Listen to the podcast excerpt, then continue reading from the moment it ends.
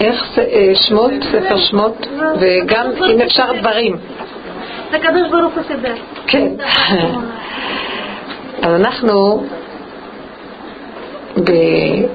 לפני ראש השנה, שבת לפני ראש השנה, אז קוראים בדרך כלל פרשת ניצבים.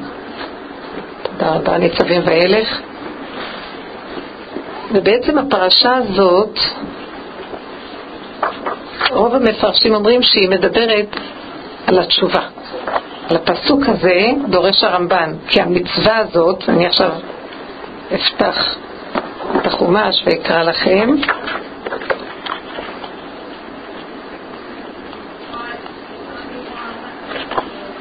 כן. כי המצווה הזאת אשר אנוכי מצווך היום לא נפלאתי ממך ולא רחוקה היא לא בשמיים היא לאמור מי יעלה לנו השמיימה ויקחנה לנו, ייקחיה לנו וישמיענו אותה ונעשנה, ולא מעבר לים היא לאמור מי יעבור לנו אל עבר הים ויקחיה לנו וישמיענו אותה ונעשנה. כי קרוב אליך הדבר מאוד, בפיך ובלבבך לעשותו. זאת אומרת שכאן מדובר כי המצווה הזאת, ורוב המפרשים אומרים זו מצוות התשובה. בעצם הרבה מן הפרשה מדברת על התשובה, את המילה לשוב. והיה כי יבוא עליך כל הדברים האלה, הברכה והקללה שנתתי לפניך, והשבות אל לבביך. פסוק אחר, ושבת עד השם אלוקיך, פסוק אחר, ושב השם אלוקיך את שבותך וריחמך, פסוק אחר, ושב וקבצך מכל עמים אשר חפצך אלוהיך, השם אלוקיך שמה. זאת אומרת שהפרשה הזאת מדברת על העניין של התשובה. כל התורה כולה זה בחינת התורה, החוקים, הדינים, המשפטים, העדויות, המצוות. הפרשה הזאת מדברת על התשובה. בעולם התורה גם יש תשובה. מה, אין תשובה? אדם עושה חטא, הוא צריך לחזור בתשובה. נניח שהוא פספס את זה חלילה, הוא עבר על איזה עבירה, הוא אה, מעד באיזה דבר. התורה מלאה דינים וחוקים ומשפטים. אז יש את הספר של רבנו יונה, שערי תשובה, שהוא מורה לנו איך צריכה להיות דרך התשובה, שהבן אדם מצטער שהוא עבר עבירה, שיהיה לו יגון על זה שהוא עבר על איזה איסור מהתורה, שהוא יתוודה ויגיד וכך וכך עשיתי, שהוא יקבל על עצמו לא לעשות את זה שוב, שיהיה לו חרטה בתוך הנפש, חזקה, דרגות. אז יש לנו כבר תשובה בתוך העולם של התורה, בתוך שאר הפרשיות. מה הפרשה הזאת פתאום מדגישה את העניין של התשובה? ושבת עד השם אלוקיך. ושבת עד השם אלוקיך. כי יש תשובה בטבע של עולם התורה, שהבן אדם מצווה בסור מרע ועשה טוב, אם חלילה הוא שר מהטוב רע, אז הוא צריך לחזור. רבנו יונה מתייחס לזה, יש כללים ויש סדר איך שהוא צריך לחזור בתשובה. אבל שמתם לב מה צורת התשובה? מה צורת התשובה? הוא עשה עבירה, אז הוא מרגיש כאוב, הוא מרגיש לא טוב עם עצמו. ומה הוא שואף? מהשלילה להיות חיובי. מהאני השלילי להיות אני חיובי, נכון? הוא כאוב מעצמו, נכון? הוא כאוב שהוא נפל מדרגתו. הוא כאוב שהוא לא מספיק מגיע למקום שהוא צריך להישאר במדרגה של הצדקות הנכונה, מה שהוא מחויב. התדמית הפרטית שלו נפגעת, והוא מתחרט. על מה הוא מתחרט? מה יסוד החרטה פה? שהוא לא עמד במטלה שהתורה מבקשת ממנו, והוא מעד, אז יש לו כאב על עצמו. אני, הצדיק שלו כאוב, מדוע שהוא האני שלו מעד והרשיע, נכון? כאשר הפרשה הזאת אומרת, אז עכשיו רבנו יונה אומר, אז צריך לעשות תשובה. מהאני הרע לעשות תשובה ולהיות אני טוב, לחזור להיות טוב. הפרשה הזאת אומרת ככה, ושבת עד השם אלוקיך. מה אנחנו שומעים פה? כאן האדם שב מהאני הרע לאני הטוב, לכבוד השם. כאן הוא אומר, לא מדבר על עצמך שתשפר אותו. עצמך פה לא אכפת לנו ממנו. אכפת לנו שתיקח את כל העצמיות שלך ותביא אותה להשם, ושבת עד השם אלוקיך. זה כבר סוג של תשובה אחר. אתם מבינות מה אני אומרת עכשיו? קשה להבין. נכון. שזה קשה להבין? אז תבינו עוד פעם. התשובה שנצטרך לעשות לקראת הסוף, גם פרשת ניצבים היא בסוף החומש. כאשר התשובה של רבנו יונה היא טובה לכל החומשים. בספר שמות יש מלא מצוות שהמעדנו בהן אנחנו צריכים לעבוד, בספר בראשית יש גם כמה מצוות, וכן הלאה וכן הלאה. התשובה שנדרשת לעשות לקראת הסוף זה לקחת את כל המציאות של ישות האדם והחשיבה העצמאית שלו שהוא בעל בחירה ישותי וצדיק וללכת על מהלך אחר לגמרי. אני לא שב בשביל להחזיר את האני שלי למקום, האני הטוב. אני שב ממקום אחר. אני לא מציאות ואין עוד מלבדו. התשובה שנדרשת לעשות, הוא אומר לנו ככה, לא בשמיים היא. אם אני לוקחת את המילה שמיים, אני אומרת, השמיים זה בעצם השכל. אז עכשיו אני צריך לפשפש בשכל שלי ולהתבונן. כך וכך הייתי צריכה לעשות, כך וכך עשיתי, כתוב שצריך ככה ותראה מה קרה לי כאן. אז זה נקרא, לא בשמיים היא, גם לא מעבר לים, באיזו מחשבה מאוד עמוקה שאני צריך להתבונן בהגיית הדברים והתבוננות בבינה, בהבנה של הדבר. כי המצווה אשר אני מצווה אתכם היום, בפיך ובלבבך לעשותו. אין מוח. אז תגידו לי, אין כאן מוח, אין דרישה למוח, בפיך ובלבבך, הדיבור אומר בפשטות, מה זה בפיך ובלבבך? למה לא אמרו בשכלך, במדעך, בהתבוננותך, בידיעותיך? בפיך ובלבבך לעשותו. תשובה של הפה והלב.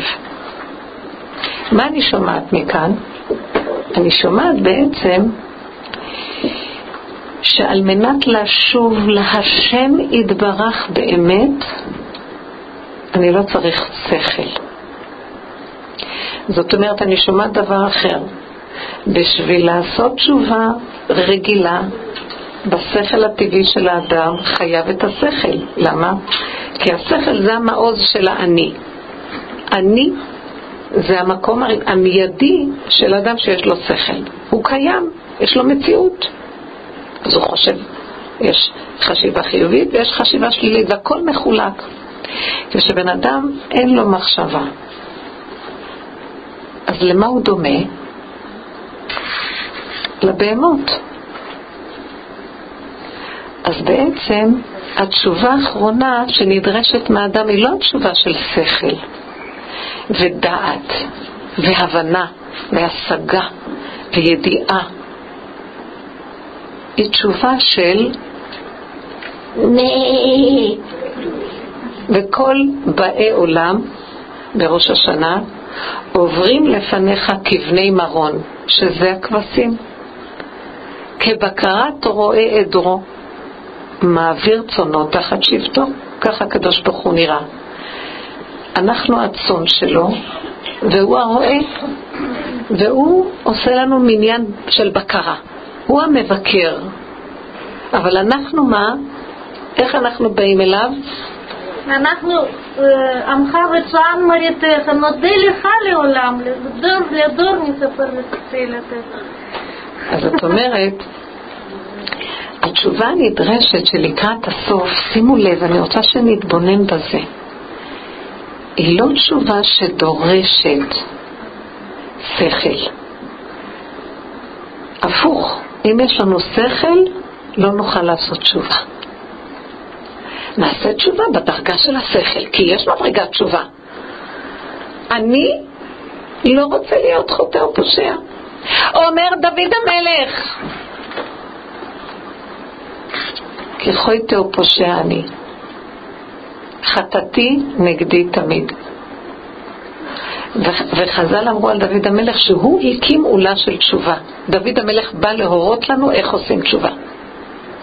אנחנו יודעים להגיד תשובה, ודאי. תשובה מספר אחד, אנשים היו חילוניים או לא יודעים, ודאי שצריכים ללמוד מה הדינים, מה החוקים, מה המשפטים אשר יעשה אותם האדם, וחי בהם. התשובה הסופית שנדרשת מאדם, שאחרי שהוא עשה תשובה ראשונה, ואיפה עשינו כל עם ישראל את התשובה הראשונה? במתן תורה. יצאנו ממצרים, והיינו בער, בערים היינו, לא ידענו כלום. דבר ראשון, הקדוש ברוך הוא הקנה לנו את התורה. הוא גאל אותנו מהדעת המקולקלת של העולם, שמצרים הייתה מרכז העולם דאז, ונתן לנו שכל של תורה להבדיל אותנו מן האומות. זאת אומרת, יש דעת של אומות ויש דעת של התורה. זה לעומת זה עשה השם. ואז עכשיו כל עבודתנו היא כל הזמן לברר את הדת של התורה מהדת של הטומאה, של העולם. טמא וטהור, מותר ואסור, כשר ופסול, חייב וזכאי. אז זה שכל מול שכל. אלו עמלים ואלו עמלים. אבל התשובה האחרונה זה משהו אחר. אני לא עומד מול אף אחד. אין עולם בתשובה האחרונה. התשובה האחרונה, האדם עומד עם מציאותו. הוא כבר לא מתחרה במישהו ואומר, אתה לא מספיק יודע ואני יודע יותר, או אני לא רוצה להיות כמוהו, אני רוצה להיות יותר. התשובה האחרונה היא משהו אחר. התשובה האחרונה שהבן אדם נשאר לבדו בעולם והוא רק רואה את עצמו והוא רואה כשהוא מתבונן עם עיניים פנימיות ולא תחרותיות או דבר והיפוכו, מה הוא רואה? הלך עליי. אין מקום אחד שאני יכול להגיד שאני בסדר. זה דבר קשה, נכון? כי כשאני עומדת מולך, ודאי שיש לי רגשי נחיתות, את נראית צעירה ויפה וחכמה וכולך מוארת, ואני, איפה אני ואיפה את? אז אני נורא מבוהלת ואני רוצה להשתדל להיות לפחות כמוך. מה התשובה שדוד המלך לימד אותנו? דוד המלך הוא לא בא מהמקום של ההצטדקות. מישהו אומר לו משהו, אז הוא אומר, רגע, רגע, רגע, ואתה מה? כל מה שאמרו לו, כאב לו. אז הוא אומר, רגע, רגע, רגע, הכאב הזה שיש לי, סימן שזה אמת. הוא לא סתם אומר לי את זה. אצל דוד המלך הוא התבונן שיש כאן משהו יותר עמוק מהאני. האני לא יכול לסבול שיגידו עליו שלילה. האני הוא כל הזמן תחרותי וכל הזמן הוא מחפש יותר, וגם אם יש כאלה שיש מוחצנים ויש מופנמים, אז בוא נגיד, אלה כל הזמן יחפשו איך להיות יותר ויחפשו את הפגמים אצל אחרים, כי זה נותן להם את התחושה של היותר באופן טבעי.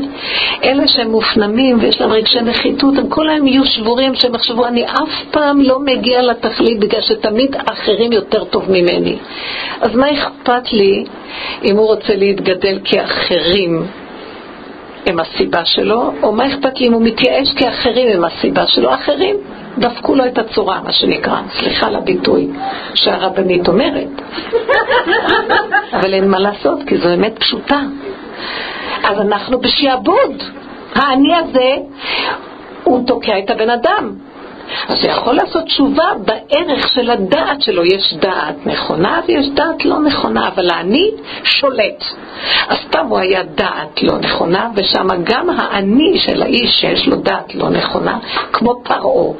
הוא היה, מי יגיד לו מה לעשות? כי האני שלו מי זה השם? פרעה אמר, לא ידעתי מי זה השם, לי יאורי ואני עשיתיני, מי יגיד לי מה לעשות? הנה דעת של טומאה. דעת של קדושה לא יכולה לסבול גם כן שמישהו יגיד לו, אתה יודע? אתה חוטא. רגע, רגע, למה? ואז מתחילים להתווכח. דוד המלך בא ממצב אחר לגמרי, הוא אמר, רגע, רגע, רגע. זה הדעת, כן ולא, טוב ורע, נכון או נכון. והבן אדם כל הזמן מאוים להיות טוב, או שהוא בייאוש והוא מופקר. אבל דוד המלך אמר משהו אחר. אם מישהו פוגע בי, ואל תחשבו שהוא הגיע לזה ברגע אחד. כל החיים שלו היה רק פשלות, ביזיונות, לוזריות. אז יום אחד הוא עצר ואמר, רגע, כנראה מישהו כאן מכוון את זה. למה ההוא מבזה אותי, וזה כועס עליי, וזה חושד בי שאני גנב, ואני לא גנבתי. מה הסיפור הזה? אה, כנראה מחפשים אותי. אז קודם כל תשתוק ותתבונן בעצמך. בהתחלה זה מאוד כואב, אף אחד לא יכול להודות באמת בהתחלה. אבל אם האדם רואה שזה, ב... שזה בשיטה קורה לו עוד פעם ועוד פעם ועוד פעם, הוא מתחיל להתעורר ולהגיד, אבל יש כאן איזה יד מכוונת. מחפשים אותי ממקום אחר. אז אם כן, השם אתה מחפש אותי. הוא רק היה המקל להראות לי מי אני. וזה אני. בהתחלה כואב לי, כי יש לי אני גם כן, ואני רוצה להיות צדיק לפני השם. אבל אחרי הרבה הרבה פעמים, שכל כך הרבה ניסיונות עוברים על אדם כזה, בדרך כלל זה הסוג של בעלי תשובה, אז הוא צריך להתעורר ולהגיד, השם לא רוצה ממני שאני אהיה יכול, השם לא רוצה ממני שאני אהיה צדיק.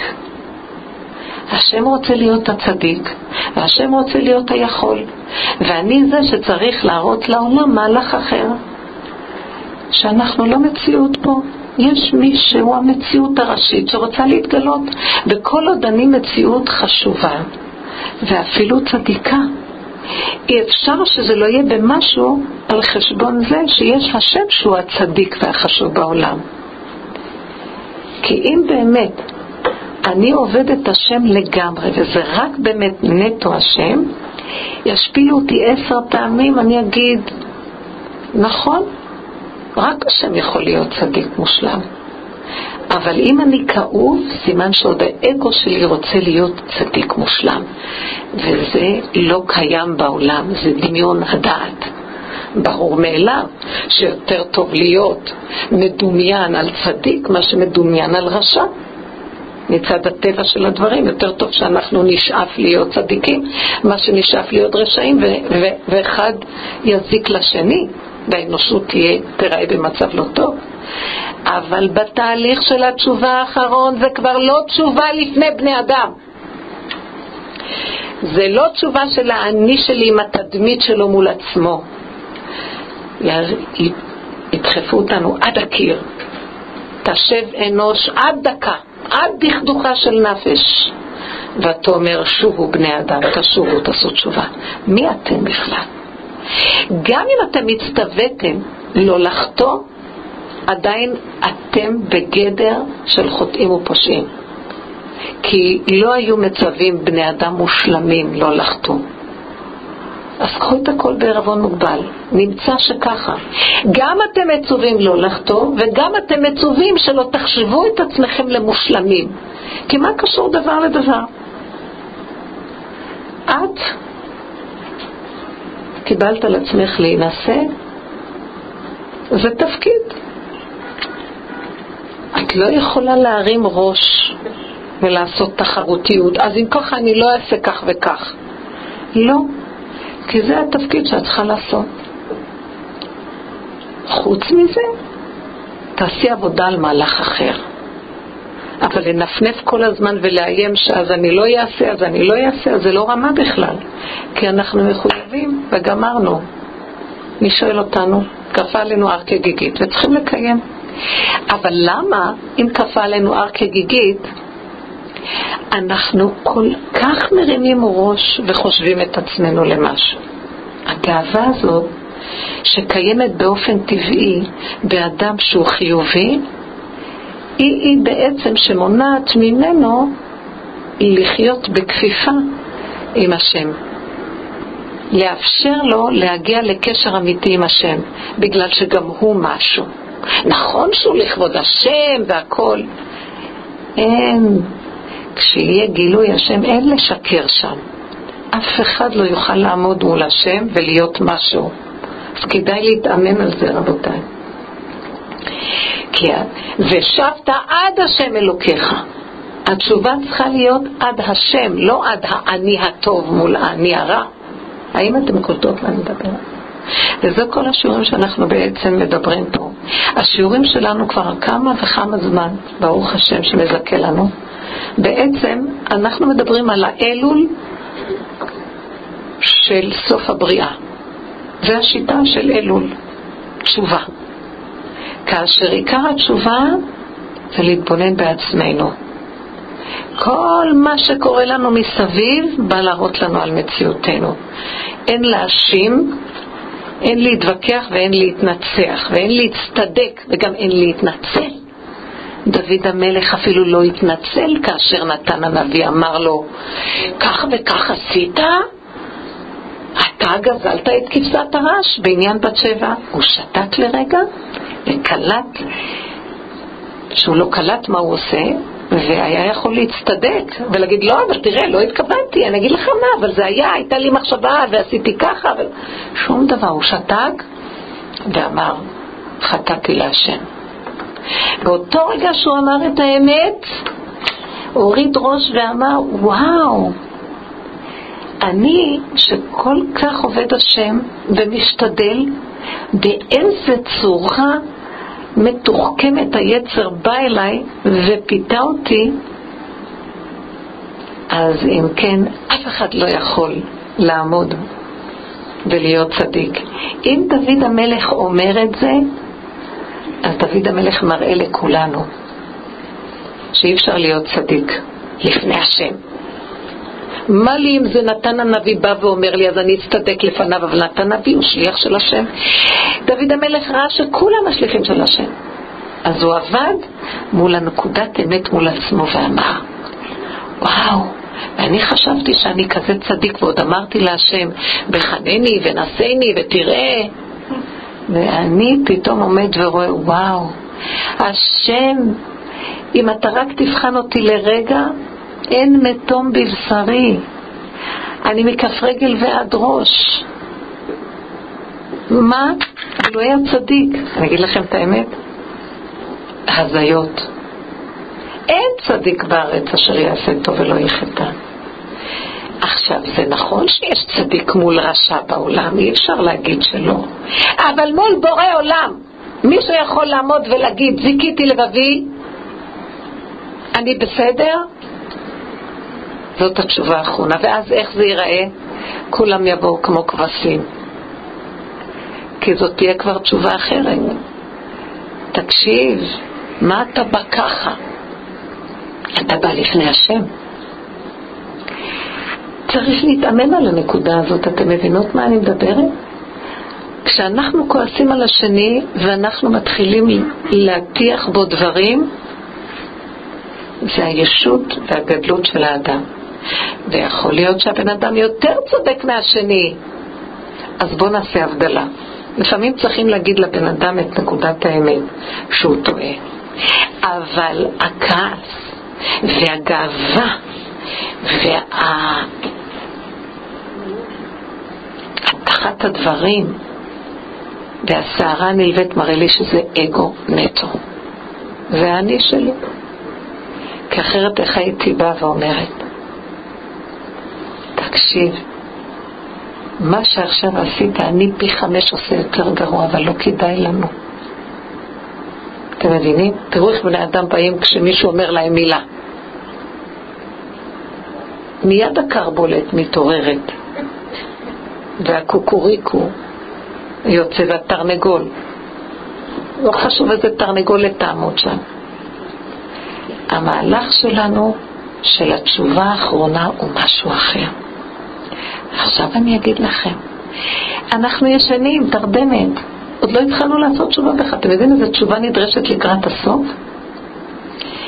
אתם יודעים באיזה מקום אנחנו? לפעמים אני מסתכלת ואומרת, ריבונו של עולם, להגיע ושבת עד השם אלוקיך, יעבור העולם ולא נגיע לזה.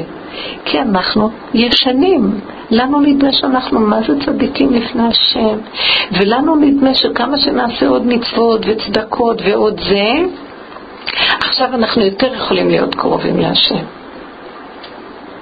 האמת לאמיתה, מה שאדם יעשה הוא לא יכול להיות צדיק לפני השם.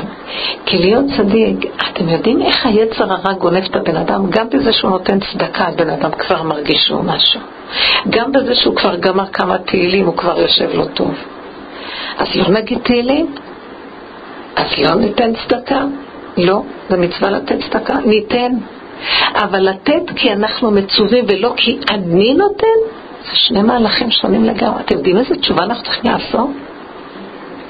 מדרגת ההתעוררות שלנו צריכה להיות שניקח את הפנסים שבמקום שאנחנו נושפים בעורף של השני, שנתחיל לשאוף בתוך נפשותינו ונראה את עצמנו מי אנחנו. והשני הוא רק האמצעי לעורר אותנו. כי בדרך כלל אדם עם עצמו הוא לא מתחיל. צריך להיות בעל מדרגה שגם הוא יהיה לבד במדבר ואז הוא יראה את המחשבה שלו, ואז המחשבה שלו תהיה הסיבה שלו לעבוד על עצמו. אבל בדרך כלל הבני אדם הולכים בין בני אדם, והשני מרגיז אותך. באותו רגע שהוא מרגיז אותך, זה, זה, זה השער להשם. תשתמש בו לעבודה, אבל אנחנו מכסים והולכים לישון. היה, אצלי, היה אצלנו בשבת אנשים אורחים חשובים, ואחד מהם מתלונן, כי הוא עסוק בענייני ציבור, שסגרו את התקציבים, ומה זה שלא נותנים, ומה יהיה עם הסמינרים, ומה יהיה עם כל מה שקורה פה, והוא התלונן מאוד על המצב במדינה, עם הממשלה. רק שנייה אחת אני רוצה למצוא את הפסוק הזה שאני רוצה גם להגיד. ואז אני שאלתי אותו, תגיד,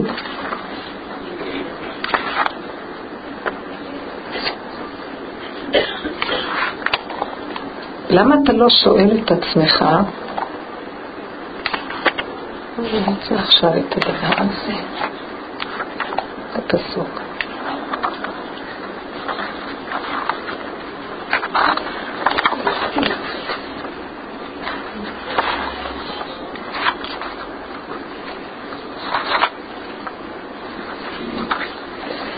צריך להיות פה רק רגע, שנייה אחת בבקשה.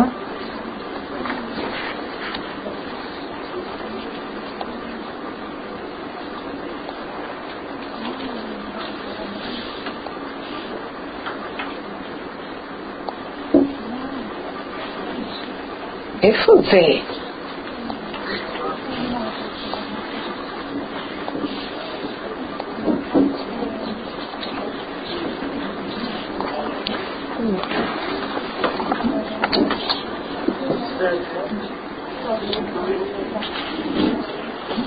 שנייה, אני חייבת למצוא את הפסוק שעל זה מושתת מה שרציתי להגיד.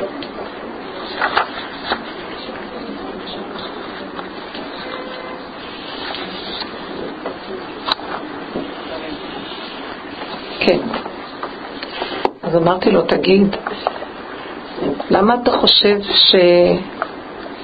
שעצרו את התקציבים? כי הם רשעים. אמרתי לו, אולי מישהו אמר להם לעצור, למה אתה לא שואל למה עצרו את התקציבים? אז הוא אומר לי, אני לא מבין מה שאת שואלת. אז אמרתי לו, תראה, ואז אמרתי את הפסוק הזה. ויהי בימים הרבים ההם, וימות מלך מצרים, ויאנחו בני ישראל מן העבודה. ויזעקו ותעל שבתם אל האלוקים מן העבודה. אז נשאלת השאלה, מדוע פעמיים כתוב כאן עבודה? אמרתי לו, כי קראתי באחד המפרשים קצת על זה, ואז נזכרתי ואמרתי לו, מה קרה לבני ישראל במצרים? הם נכנסו בעבודת הפרך. הלא לפני כן הם היו בארץ גושן. יוסף שם אותם, את כל השבטים, בחלק ארץ, חבל ארץ, נפרד מהאזור של פרעה והמצרים. ונתן להם אפשרות אוטונומיה פרטית, לפתוח תלמודי תורה ובתי מדרשאות. אנחנו יודעים ששבט לוי למד תורה, והיו שם בתי מדרשאות, וילדים התחנכו בתלמודי תורה, והיה להם קהילה משלהם. איך הם הגיעו לעבוד את פרעה בעבודת פרך? איך הם זלגו לממלכה של פרעה בכלל? והם הגיעו למצב שהם בנו את ערי המסכנות לפרעה, פתאום ורמסס. ואז פרעה יום אחד קם ואומר להם, תקשיבו, אתם מרגיזים אותי, אין שוויון בנטל, אז עכשיו נקצץ לכם יותר. גם לבנים שהייתם מקבלים כדי לבנות את פתאום ואת רמסס, לא תקבלו. תעשו לבד לבנים. אז מה הם עושים? הפסוק אומר, ויצעקו ויאנחו בני ישראל מן העבודה ויזעקו. הם צעקו. הם צעקו ואמרו, פרעה, באמת, איך אפשר? מה קיצצת את התקציבים? מה קורה פה בכלל? נכון, רבנית. מה הולך פה? זה לא פייר. אתה רוצה שנבנה פתאום ותרמסס, תן לנו לבנים. ויזעקו. מה זה המילה הבאה אחריו? ותל שבעתם אל האלוקים מן העבודה. פתאום הם התעוררו ואמרו, רגע, רגע, רגע, מטומטמים שויטים שכמותנו. בכלל, מי אמר שצריך לבנות לו את ערי המסכנות? איך זה קרה לנו שהשתעבדנו כל כך? אנחנו עוד מבקשים הנחות לשעבוד ושייתן לנו תנאים נוחים בעבדות. אבל השאלה, למה אנחנו בעבדות בכלל? ואז הם צעקו, כי הם גילו שהם בעבדות נוראית. קודם הם צעקו לפרעה, מה הולך פה? תן תקציבים. ואני אומרת לו, למה אתה חושב הם סגרו את התקציבים? השם סגר, למה? כי השם אומר, אתם חושבים שהם נותנים? אתם השתעבדתם יותר מדי בכל הדפוס של העולם המודרני הזה, ושכחתם אותי. אני זן ומפרנס, אני מכלכל מקרני רמים ועד בית זקינים. אני בראתי את העולם לכבודי, כדי שכולם ידעו שכל תנועה שאתם עושים זה הוא, כל נשימה זה הוא. אם הגיע ללחם לפה זה השם, ונודה לו, נברך. כי משלך ומידיך נתנו לך, וזו המטרה של בריאת העולם. תראו מה קרה לכם. אני זרוק בצד, ואתם רצים בעולמות. והשתעבדתם לאותו יצר של טבע וכוחנות שמרד במציאות האמונה שיש השם בעולם. ועכשיו הוא כל כך משעבד אתכם, שחדשות לבקרים כל יום הוא גוזר עליכם גזרות אחרות, ואתם בוכים לו. דחילק, זה לא יפה, תעשה הנחה קצת, תן תנאים. שותים שכמותכם, עם נשמה יהודית כמו שלכם, אתם צריכים להתחנן לפרעה? אולי תתפסו את הראש ותבינו מה קרה פה. איך נמכרנו עמי ואני לעבדים ולשפחות ואין קונה גם. למה אתם לא שואלים את השאלה? ואז פתאום ההתבוננות היא אחרת. הבן אדם כל כך ישן שהוא לא יודע שמתעלל בו איזה שד של טבע שמשגע אותו. והוא רוצה להיות חיובי במקום שלילי. יש שד חיובי, אתם יודעים? אני לא רוצה לא חיובי ולא שלילי, אני רוצה את השם, התעייפתי מהמנגנון המטומטם הזה של יום למעלה, יום למטה, יום כן, יום לא, יום אני צדיקה, יום אני רשאית, יום אני באדמה ויום אני בשמיים, יום ריגוש וסיפוק ויום ייאוש וחידלון. אני אפילו אמרתי, תשמע, נמאס לי שאני רעבה ואחר כך שבעה, ועוד פעם אתה רעב ואני צריכה להאכיל אותך, ונמאס לי כבר להאכיל אותך, לא רוצה לאכול. ככה אמרתי לו. אני ביומיים האחרונים לא רוצה לאכול, מעצבן אותי לאכול. כל הזמן אתה קם עליי עם הרעב הזה, מה זה פה? טוב, אכלתי אותך משהו, תשתוק. נמאס לי, אני הולכת לישון, השקעתי בשינה, למחרת אני עוד פעם עייפה. תגידו, זה נורמלי? מה הולך פה? למה אתם לא שואלים את השאלה הזאת? האם אתם חושבים שזה מה שהקדוש ברוך הוא יכול היה לעשות במיטבו, לבנות גוף שלא יכול, אם הוא לא יישן הוא ימות? משה רבנו 40 יום לא אכל ולא שתה, מה קרה? לא ישן. לא ישן? אז למה אתם חושבים, זה משה רבינו? משה רבנו היה אדם ככל האדם, אבל משה רבנו אמר, נמאס לי מהשד הזה ששולט עליי. אז הוא הכיר מה הוא ראה, איך הוא נהיה בן חורין, כי הוא ראה כמה הוא משועבד, רבותיי. התשובה היא להכיר כמה אנחנו רחוקים מהשם, כמה אנחנו מדומיינים שאנחנו עם השם. אם אנחנו לא רואים עד כמה אנחנו תקועים, אז איך נגיע להשם? נגיד, יש לנו השם, סידרנו עליות דמיוניות של רוחניות והשם. אתם יודעים מה זה להגיע להשם? אל תחפשו את השם, תחפשו את השד. השד, אותו טבע שמשגע אותנו, אם אנחנו נכיר אותו ונכיר אותו ונכיר אותו ונכיר אותו ונכיר אותו ונכיר אותו ונכיר אותו, אז אנחנו נצעק להשם ונגיד, ריבונו שלום, אי אפשר לצאת, אנחנו לכודים ברשת. אי אפשר לצאת, רק אתה יכול להוציא אותנו, וזה מה שקרה במצרים. העובדה שהפסוק הבא אחריו אומר, אחרי שקראת לכם, ותל שבתם אל האלוקים מן העבודה השנייה, שהם כבר ראו כמה הם משובדים, קודם הם השתעבדו לפרעה וביקשו תנאים. פתאום הם גילו שהם באמת משועבדים. פרעה הוא רק אמצעי. יש יצרה מאוד גדול שמשעבד את כל העולם, ואנחנו כולם השפוטים שלו. או שאנחנו היי או שאנחנו דאון. או שאנחנו בסיפוקים והריגושים והולך לנו, או שאנחנו בלוזריות ואנחנו מתים ורוצים להתאבד. איזה דרגה של אדם זה. אחרי שהם הכירו את המצב הזה ואמרו, וואו, איך אנחנו תקועים. הצעקה שעלתה להם, וישמע אלוקים את נאקתם, ויזכור אלוקים את בריתו, את אברהם, את יצחק ויעקב, וירא אלוקים את בני ישראל, וידע אלוקים. עכשיו השם בא לגאול אותם. מה חסר שיבוא לגאול אותנו?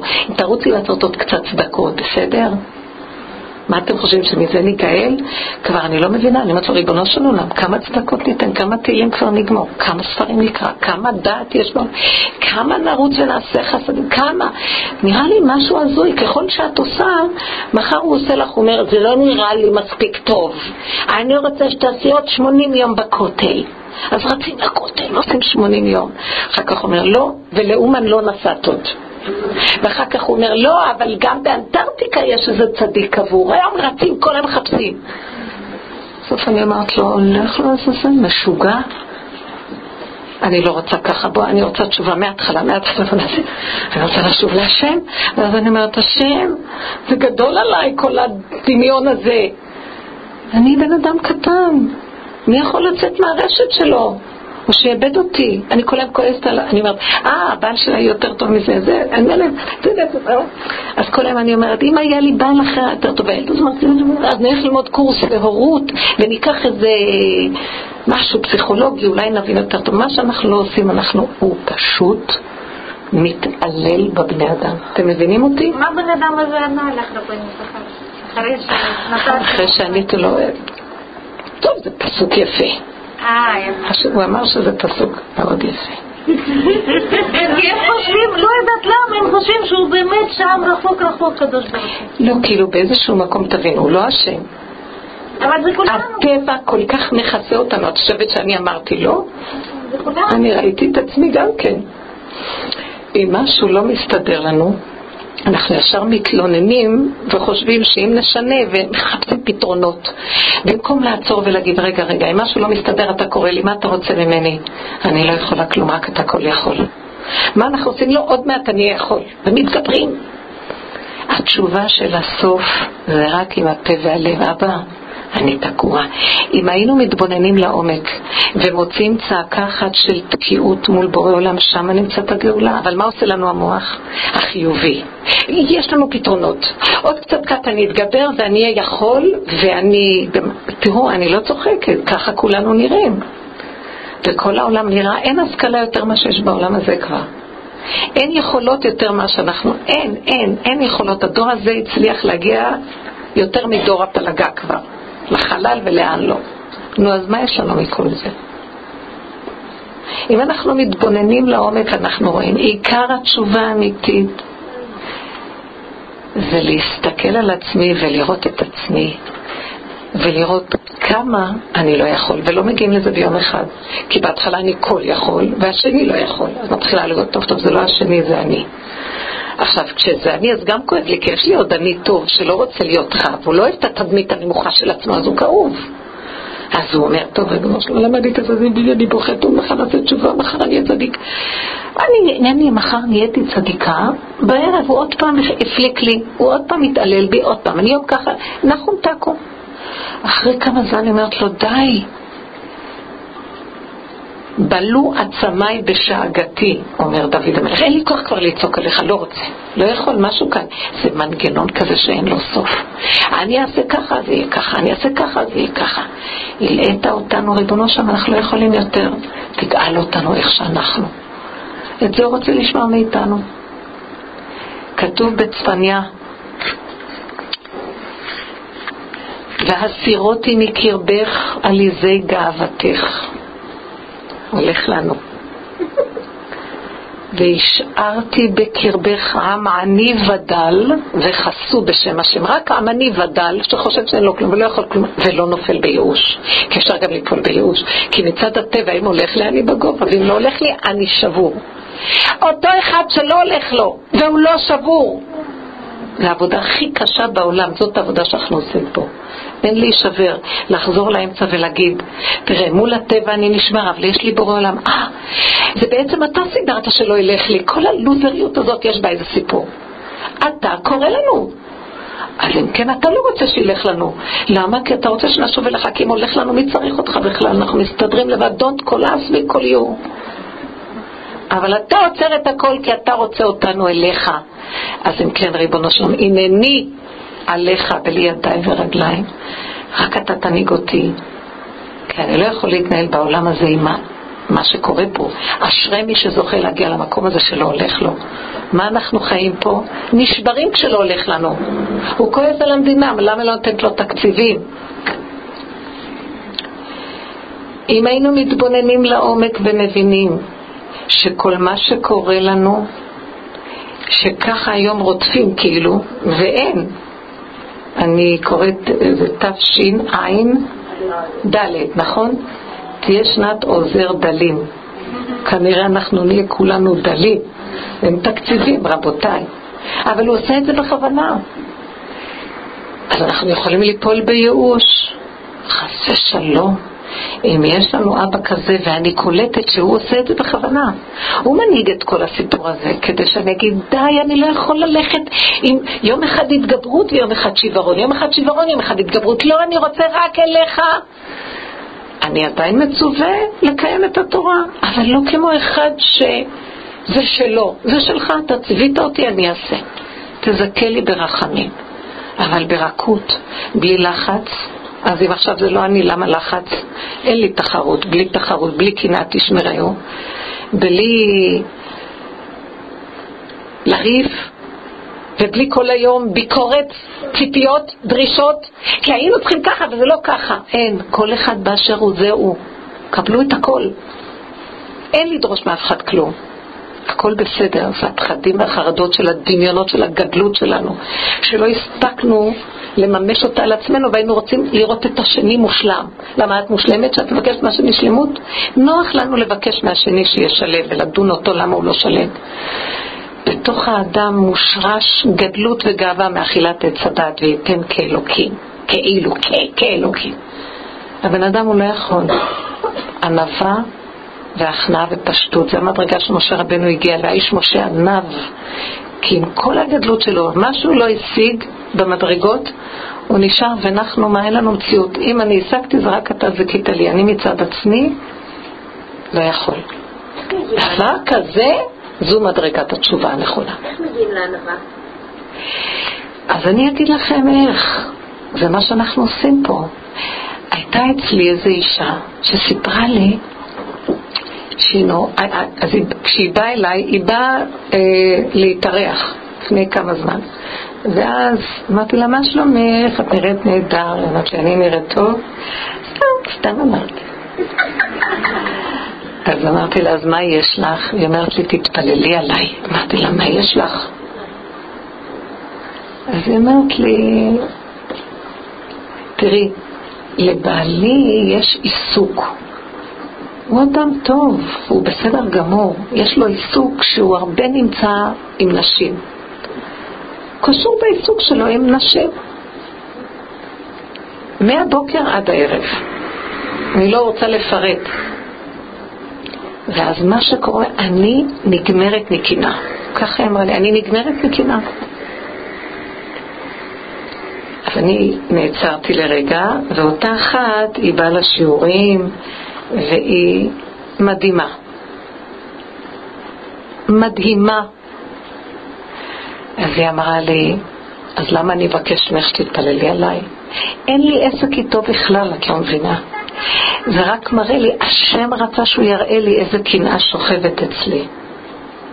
אבל זה קשה לי התרגיל הזה. כי נכון שאני יודעת שזה קנאה שלי, והוא רק היה מראה שלי להוציא את זה. ואני צריכה להתחבר להשם. אבל תראה, אני בן אדם, ובאותו אישה אני מקנאה, אבל אני יודעת שזה לא קשור אליו. אין לי מה לדבר איתו, ואין לי מה להגיד לו. ואין לי מה אה, לגדור את, את העניינים שלו, ולאיים, זה העיסוק.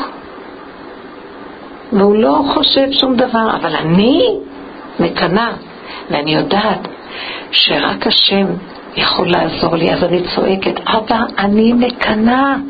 הקנאה אוכלת אותי אלף מיטות ולא קנאה אחת. ועוד פעם, ואז אני מרגישה שהשם משחרר אותי כי אני מדברת, ותקשיבי, זו תשובה לך. ואז אחרי כמה זמן עוד פעם זה חוזר, אז עוד פעם אני. והיא אמרה לי, אבל זה מחליש אותי קצת, כי זה הרבה צעקות, ונכון שהשם נותן לי שמחה ומרגיע אותי, וכאילו נגמר לי הקנאה, אבל זה רצו ושוב, ויש, זה חוזר. אז תתפללי עליי שיהיה לי כוח לעבודה. שמתם לב איזה בקשת תפילה היה לה בשבילי? שאני אתפלל עליה שהיא תוכל לעשות עבודה נכונה. אז אני ראיתי ככה, בשולחן דיברו דברי תורה, והיו דרשנים, ודרשו על הנהגות של הגאון מווילנה, והנהגות של הגדולים, והנהגות של אלה ואלה, ואלה שדרשו דיברו מאוד יפה.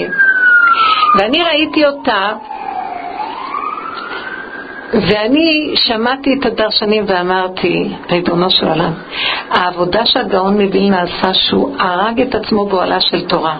הוא המית את עצמו בעולה של תורה, הוא סיגב את עצמו, וחי עם הכלום, שום כבוד הוא לא רצה, שום רבנות, שום תפקידים, כלום. מוסתר ועובד אמיתי. העבודה שעשה הגאון מווילנה, והעבודה שהאישה הזאת עושה, הם שווים אצל השם. הוא עם הערכים שלו בתורה, כי הוא היה גדול בתורה, והיא בתור אישה קטנה שנחתכת מהכאבים של הקנאה, שזו הייתה הסיבה שדרכה היא רואה את הקינה שלה אצל השם, שניהם גדולים. אבל זה שבא ומספר את הסיפורים על ועל ועל ועל, אז אתם מבינים מה אני אומרת? להיכנס בתוך הבשר ולראות את עצמנו ולהיחטף לחתיכות, זה התשובה הנדרשת, מזה מגיעים לענווה. למה? כי פתאום היא רואה שהיא כל כך קנאית והיא כל כך נשברת, אז מה היא תדבר עליו שהוא כך וכך בתפקיד שלו? תסתכלי על עצמך ותראי מי את, אין לך טענה אחרי זה על אף אחד. זה תיקון שורש לגאווה ולגדלות.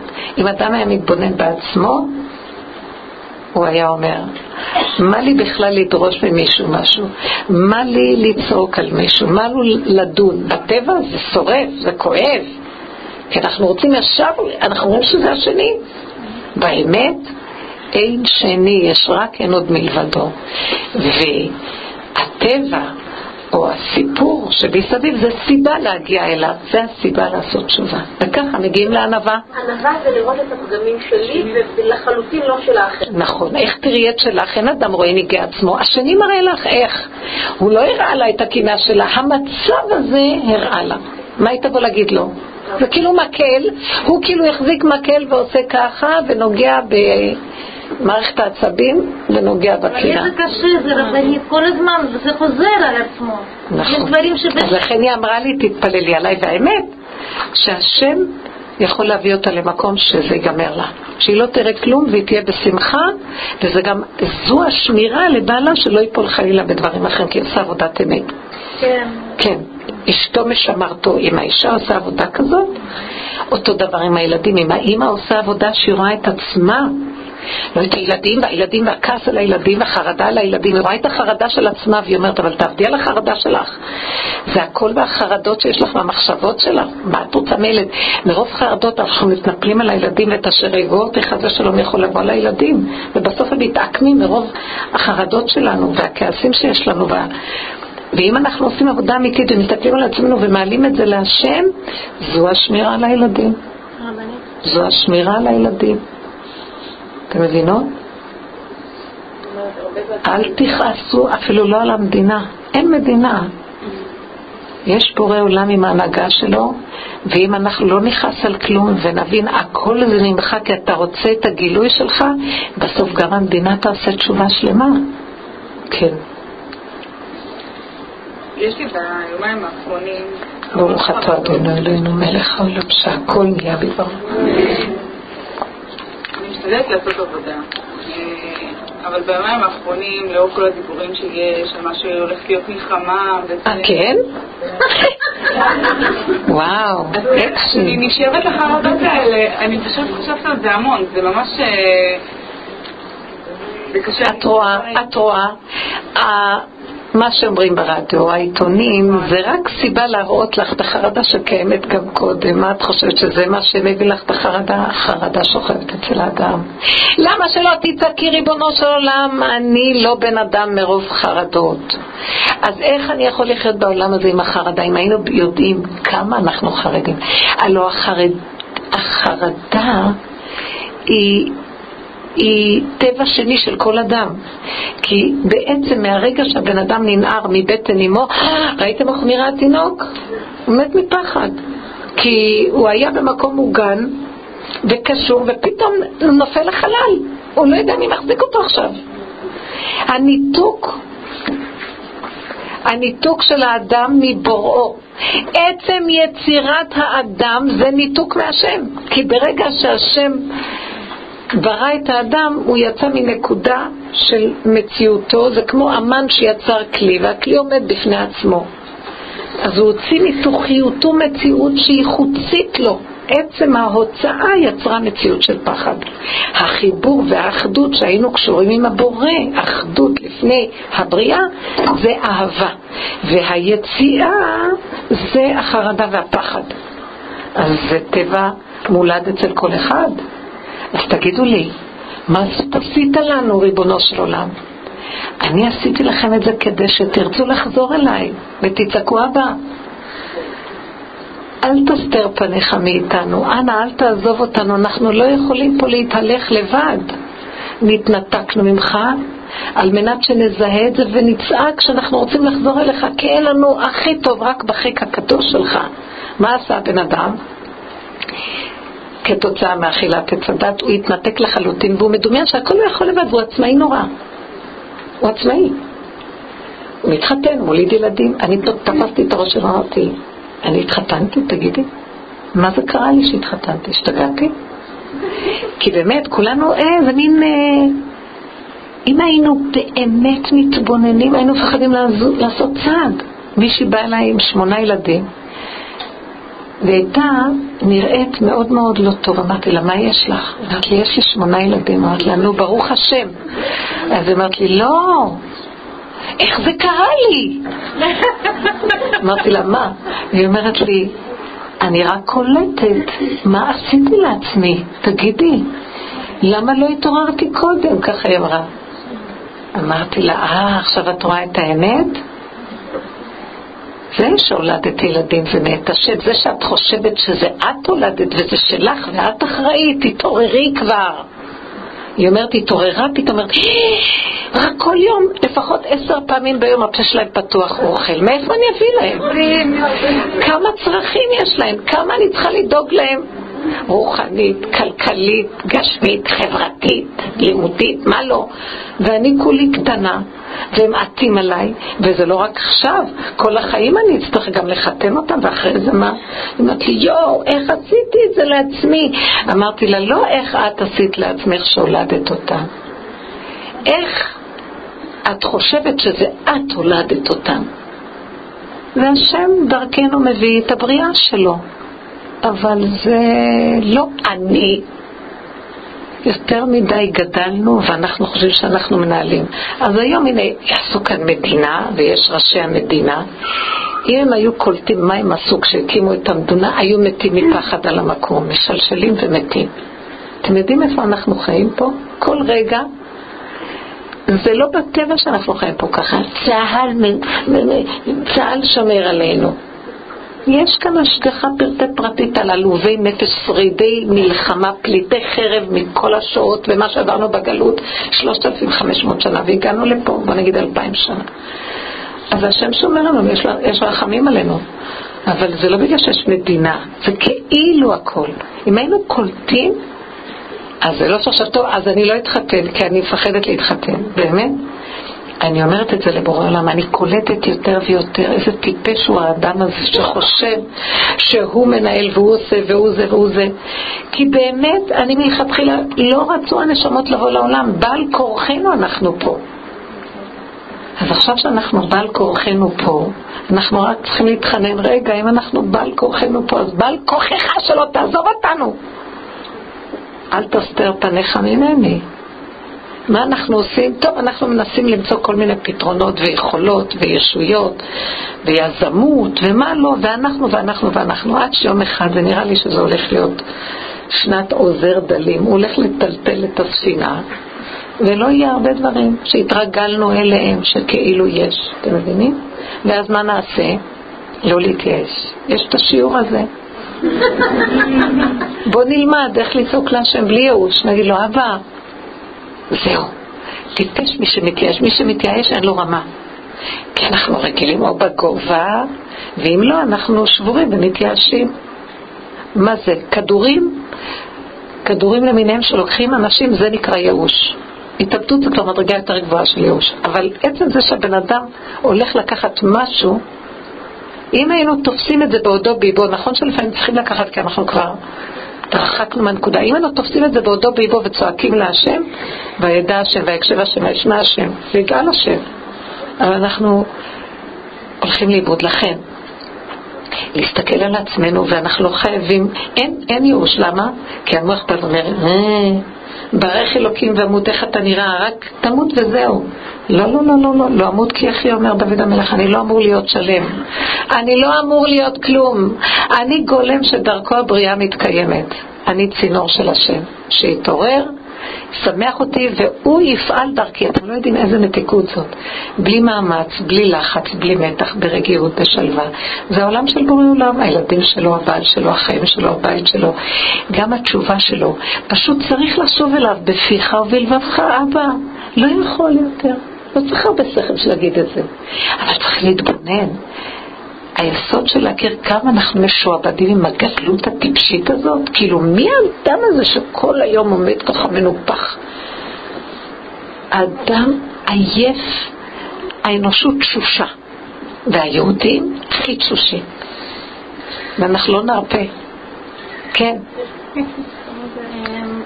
אני היום הגעתי לסוג, אני לא יודעת אם זה סוג של תשובה נכון, מה שעשית היום, אבל יש לי בעיה מסוימת של כאילו מחשבות ורגשות וזה, זה תמיד כאילו אני אומרת לאנשים, טוב, אבל מעכשיו אתה, אני עושה תשובה לסדר את עצמי, כאילו ננסה מעכשיו, אז פתאום אני אומרת לו, תקשיב, אני כבר שנים עושה את זה, כל פעם מחדש אני מנסה וזה עוד פעם ועוד פעם, אתה יודע מה, אין לי כוח לעשות תשובה, פשוט תזכיר אותי. יפה. השאלה אם זה ככה נכון עליו. מעולה.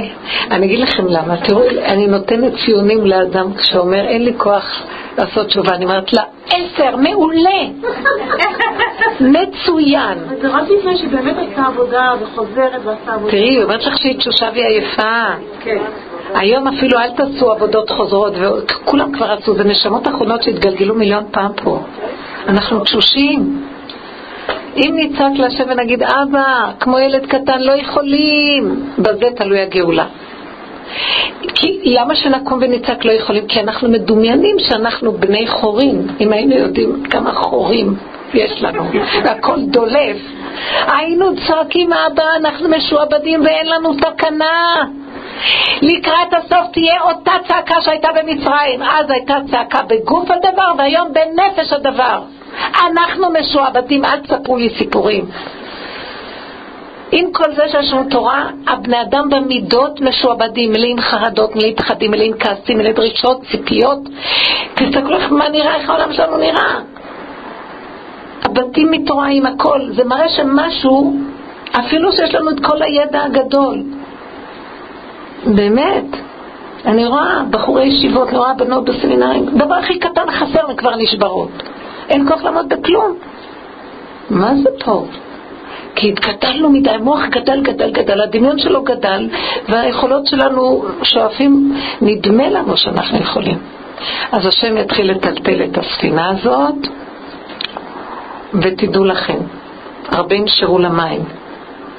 צריך להיות מאוד חזק להחזיק, בחבל, כמו שאומר ילקוט שמעוני. שהקדוש ברוך הוא יוריד חבל, והוא יצעק אחוז בקצה החבל, שאם אתה מניחהו אין לך חיים. ואנחנו צריכים להתאמן להחזיק. במה נחזיק? קדוש ברוך הוא, אין לי לאן ללכת רק אליך. אבל uh, הוא יבדוק אותנו, אולי אתם סתם אומרים, הוא יביא לנו איזה ניסיון, ואז אנחנו אנחנו רוצים להתרגז על ההוא, וליפול על זה, ולהתייאש מכאן, ולהגיד, טוב, בוא נתגבר, ואז מי זה שינצח ויחזיק את החבל? אחד שיגיד, אני לא יכול גם להחזיק את החבל, אם לא תעזור לי להחזיק גם את זה, אני לא יכול, תעזור לי. אני חסר אונים לחלוטין. והוא ידבר מתוך האמת שלו, כי הבן אדם צריך להתבונן, ובאמת לראות, אנחנו חסרי אונים. אנחנו מדומיינים אבל אנחנו חסרי אונים. אני מגיעה לכאלה נקודות שאני אומרת לו, עכשיו יש לי בחור לשידוך, ואני מסתכלת ואומרת, מה זה הדבר הזה שאני יכולה בכלל למצוא לו שידור?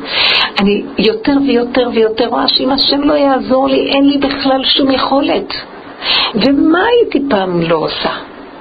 ויותר ויותר מביא לי שאני, מה שנשאר לי זה רק התפילה והצעקה, שאני לא אקח את המקום של השם עם ה... היחצנות ועם היזמות, כל פעם שאני עושה טיפה אה, יוזמה או כאילו השתדלות בכיוון של טוב, נעשה משהו, נפנה לאיזה שטחנים, אני חוטפת ביזיונות. ואז אני אומרת, טוב, טוב, טוב, טוב, טוב. כאילו הוא אומר לי, עוד פעם הפרעת לי? אני אומרת לו, אבל אבא דופרס, תעשה משהו. אני לא אגיד לך מתי. אני רוצה לבחון אותך, אמונה זה סבלנות. ראש האמונה זה סבלנות. מה אכפת לך את? לילד שלי? ככה את אומרת, נכון? חינכתי אתכם ככה. אני אומרת לילדים שלי, אני הרפאתי הרבה והשם איתכם, יותר טוב לי מה שאני עליכם. אז גם עכשיו בשידוכים תרפים, מה יש? נכון? זה כזה ניסיון באמונה. שבי בשקט, תבקשי. תפתחי את העיניים, תראי סיבות. את כלי. יכול דרכך להעביר דברים, אבל לא בכוחנות. לא שהחרדה תפעל. אתם מבינים? או הגאווה, מה זאת הצעה שהביאו לי, או הרגשי נחיתות. נו, רק שיציעו כבר משהו. אתם מכירים את זה? רק מציעים לך משהו, ישר הגאווה קופצת. לא הציעו כלום. איזה מסכנות. הבן אדם פשוט כבול במנגנון נוראי של הדואליות הזאת של החיים, ואני צעקתי להשם, ריבונו שלום, אי אפשר ככה לפעול פה. זה כאילו פועלים פה. רק אתה כל יכול. שלח סיבות, ואיך אני אדע שזה אתה? תן לי רגיעות, רגיעות, סבלנות. הכנעה, מתיקות וערבות, תפילות פשוטות, וידיעה בנפש שאתה חי וקיים והכל מסתדר. כי המוח משגע אותנו, מה יהיה אם לא, ומה יהיה ומה יהיה ומה יהיה. אז לזרוק אותו ולא לתת לו, ולצעוק להשם, אני אפילו לזרוק אותו כבר לא יכולה, רק אתה כל יכול, כמו שהיא אמרה פה. אני גם לא רוצה כבר לעשות מחשבות של תשובה. לא צריך לחשוב, צריך לדבר עם השם בפשטות. אתם מבינות למה אני מתכוונת בפיך ובלבבך עכשיו? פשוט קורה סיבה, קורה עניין, את רואה איך את נראית, את שערה שלך, אל תאשימי אף אחד, תגידי, וגם לא עלייך המלאכה לגמור. כמו שאת לא תדרשי מאף אחד כבר, גם מעצמך אל תדרשי, רק תביאי את הכל לפני השם ותגידי לו, אבל אבא, רק אתה כל יכול. תתגלה. יגל נא ופרוס נא חביבי עליי את סוכת שלומך. תאיר ארץ מכבודך. אני לא צריך לעשות מאמצים שאני אהיה עם הערה. אתה תאיר ארץ מכבודך. ואז נגילה ונ... שמחה בה. תאיר לנו רבנית את הדרך, את החיים, את העיניים, כי אנחנו מגיעים באמת, שבאמת נגיע למצב כזה, כמו שאת מלמדת אותנו, להגיד לו תודה רבה על נשמה, על זה שאני נושם, בדיוק. תודה רבה שאני נושמת, תודה רבה. אומרת לו משהו והוא שולח, אני שוכחת להגיד תודה. עכשיו אני באה... את ליבי להגיד תודה. הנה, את נזכרת, הוא מזכיר לך. ככל שלומדים בכיוון הזה, לאט לאט מגיעים לתכלית הנכונה, והכל מתחיל להיות קטן, פשוט, מתוק, בפיך ובלבבך. לא צריך יותר מדי בגדולות ונפלאות, כן. מה זה הבקשה בסליחות מפחד? קום קרא בתחנונים, בן אדם הלכה נרדם? נו, מה לכם נרדמים? אתם אפילו לא יודעים שאתם ישנים. אין תרדמת יותר גדולה מזאת. לא, אחד עוד אומר אנחנו ישנים, אבל אחד אפילו לא יודע שהוא ישן והוא נוחר והוא חושב שהוא ער. מבינה? אז לפחות החכם ההוא מעיר אותו. לפחות שתתעורר להכיר כמה אתה ישן. לבקש ממנו שיעשה צעקה מתוך זה שהוא ישן. ישן והוא כבר התעורר. את מבינה באיזה מדרגה של שינה אנחנו נמצאים? אנחנו צריכים את הסליחות ואת הנוסח שלהם כדי רק לדעת שאנחנו ישנים. השלב הבא זה שאנחנו ישנים, אז אולי נצעק שבאמת תהיה איתנו ואל תיתן לנו לנהל עולם כשאנחנו ישנים. יכולים להחריב את השינה, את הכל. מבינה באיזה מקום אנחנו צריכים כבר סליחות של סליחות. אנחנו צריכים כבר להבין שגם הסליחות שיש כאן הם כבר שייכים לגלות, צריכים סליחות יותר מתקדמות. מה הסליחה הכי מתקדמת? אין מקום שאני לא ישן, ריבונו של עולם. כאילו אומרים לנו, תקום, אתה יודע שאתה ישן? אה, טוב, ומדקלמים, אני ישן, אבל חושב, אני חושב שאני ער, בטוח שאני חושב שאני ער. נכון? אפילו שאנחנו הולכים, וסליחות, הרבה פעמים אנחנו כבר אוהבים את המנגינות, מחפשים איזה פייטן כזה שיעשה לנו שמח. כי אנחנו ערים, אנחנו ערים, ועשינו מזה גם כן איזה, תמיד אנחנו, הכל נגנב ל, ל, למשהו של טבע, מצוות אנשים מלומדה. התעוררות הלב אמיתית זה עבודה. אני פעם שפחדתי, ישר הייתי הולכת לישון. דאגתי לילדים, היו יוצאים לאנשהו, הייתי אומרת, אני לא יודעת מה לעשות, אז הייתי הולכת לישון וישנה פשוט. הייתי אומרת לו, תשמור והולכת לישון. גם עכשיו... יפה, זה גם טוב. תגידו ככה, אבל לפחות תדעי שאת הולכת לישון. אבל את קמה, באמת. אני אומרת לו, כל עוד אני אתח את המנגנון הזה, אין לי סיכוי, אני יכולה רק לצעוק, אני בכזה עבדות, להכיר שאנחנו בעבדות, זה, זה הגאולה. כי אחר כך השם ישמע ויגל אותנו, אבל צריך להכיר את זה, אנחנו חושבים שאנחנו אנחנו בדמוקרטיה. לא נכון. ואנחנו בני חורים בעצם, תראו, אנחנו כבר היינו במצרים ונגאלנו. וואי, נגאלנו בגוף הדבר, בנפש הדבר, כולם משועבדים. אם הוא יגיד לי, והוא תלמיד חכם שאמר, מה עם התקציבים? מה לקחו את התקציבים וכועס עליהם? אז אנחנו משועבדים, הבנת? הוא בעצם אומר, תנו לי לבנים. תנו לי קצת אבן כדי לסדר לבנים, איך אני אבנה את פתאום ואת רמסס? זה המצב שלנו, רבותיי. אבל זו זכות גדולה. זו זכות שנתעורר, וזו לא מדרגה. כל אחד פה היום יתחיל, כי אנחנו כבר מותשים לגמרי. תתעוררו, תראו איזה תשישות יש לבני אדם. החרדות והתשישות. וה... אם היינו מסכימים לעצור ולדבר איתו כל הזמן, היינו רואים שהוא עוד, הוא מביא אותנו ממקום למקום שנהיה פחות בתרדמת, יותר ערניים, יותר מדברים, פחות לחוצים. זה גאולה ברוורס. רק ברוורס אפשר להיגאל, אין קדימה גאולה. קדימה זה עוד יותר שיעבוד. כמה שאנחנו רצים קדימה ביזמות ובהתרגשות ובקדימה, ועוד יותר נופלים בתרדמת. זה בדיוק הפוך. אני חייבת להגיד משהו. אתמול הייתה לי בושה לפני בן שלי. בערב אמרתי לו, אתה יודע מה, אין לי כוחות, אתה מוות. לא רוצה לחיות. חס ושלום. עוד יבובון בשיבה. וילד, הוא אומר לי, את שמעת מה את אומרת, אמא? את יודעת כמה נשמות למעלה רוצים לחיות פה ולעשות כן, נכון?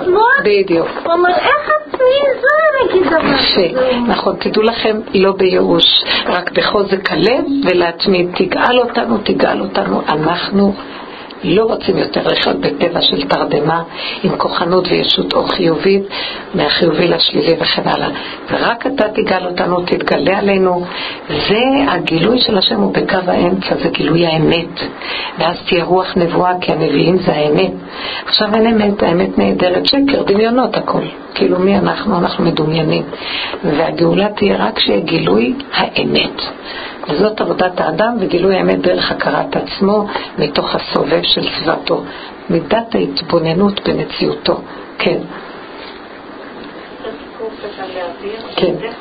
לי תשע"ד, לא תשע"ג זה תודה שלא עשני גוי. בתשע"ד תודה שעשני עבד השם. יפה. אז יש סיפור קטן, אחד הבנים שלי בבחירות האחרונות הגיע לגיל 18, יש לו זכות בחירה. הרב שלו שמע, אני לא יודעת בדיוק איך, כי אני מעבירה להם המון את הרב פישר בבית, שמע ש... אמר, החליט, כנראה שהוא לא הולך לבחור, ואז הוא אמר לי, איך יכול להיות? זה תלוי בקולות שלנו. ואמרתי לו, "אה, שמעת על הרבנית פישר? וואי, אל תגידי את השם שלי. לא, יהיה לי ביזיונות אחר כך. לא, אמרתי אמרתי לעצמי, אני שומעת אותו ואומרת לעצמי, איך רם, באמת תלמיד חכם, חושב שזכות הקולות, טוב, אבל כן, בטבע יש חשיבה כזאת, גם גדולי ישראל רוצים שילכו ל... אמרתי לה, אמרתי, הרב, אם היינו עובדי השם אמיתיים, ולומדי תורה אמיתיים, נכון, נכון. אבל זה קשה, זה... חסר לנו אמונה. חסרה לנו אמונה. אז בואו עכשיו השם מביא אותנו בכוח, אתם לא שמים לב מה קורה, הוא סוגר עלינו והוא מצמצם אותנו כדי שנהיה שייכים לו, כי אין לנו לאן ללכת. השם יעביר את כל המחשבות הרעות של הצונים שלנו, וכל רעתם תבוא עליהם. אמן. והשם ישלח רפואה וישועה ושנה של מתיקות ונועם, שנת הכנעה למלכות שמיים, ושיכירו וידעו כל יושבי תבל כי לך תכרע כל ברך תשבע כל לשון, ושיהיה מציאות באמת אין עוד מלבדו מבשרי, ברכות, בעדינות, במתיקות ולא יחסר לאף אחד דבר. עד אליו הכל יגיע, לא נרוץ ולא נעמול ולא נתייגע. אמן, כן יהי רצון. שנה טובה ומתוקה. בשבוע הבא, אם ירצה השם, לא שבוע הבא, בזין בתשרי, שזה עשרת ימי תשובה, יהיה לנו שיעור אחרון לפני שיוצאים לסוכות. תודה רבה לכם טוב. כתיבה וחתימה טובה.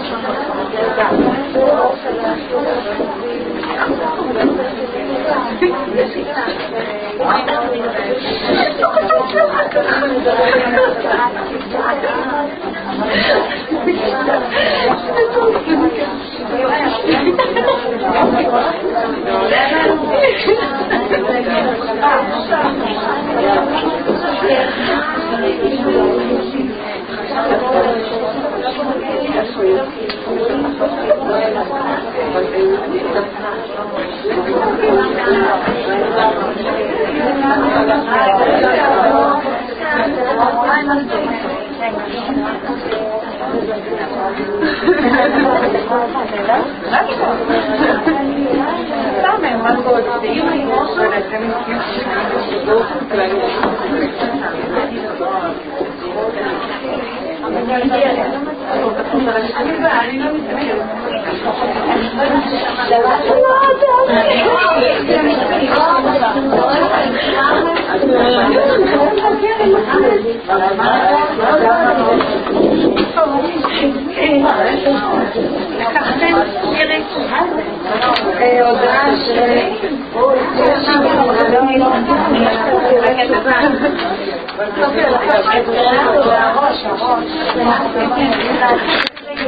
לא, לא, לא.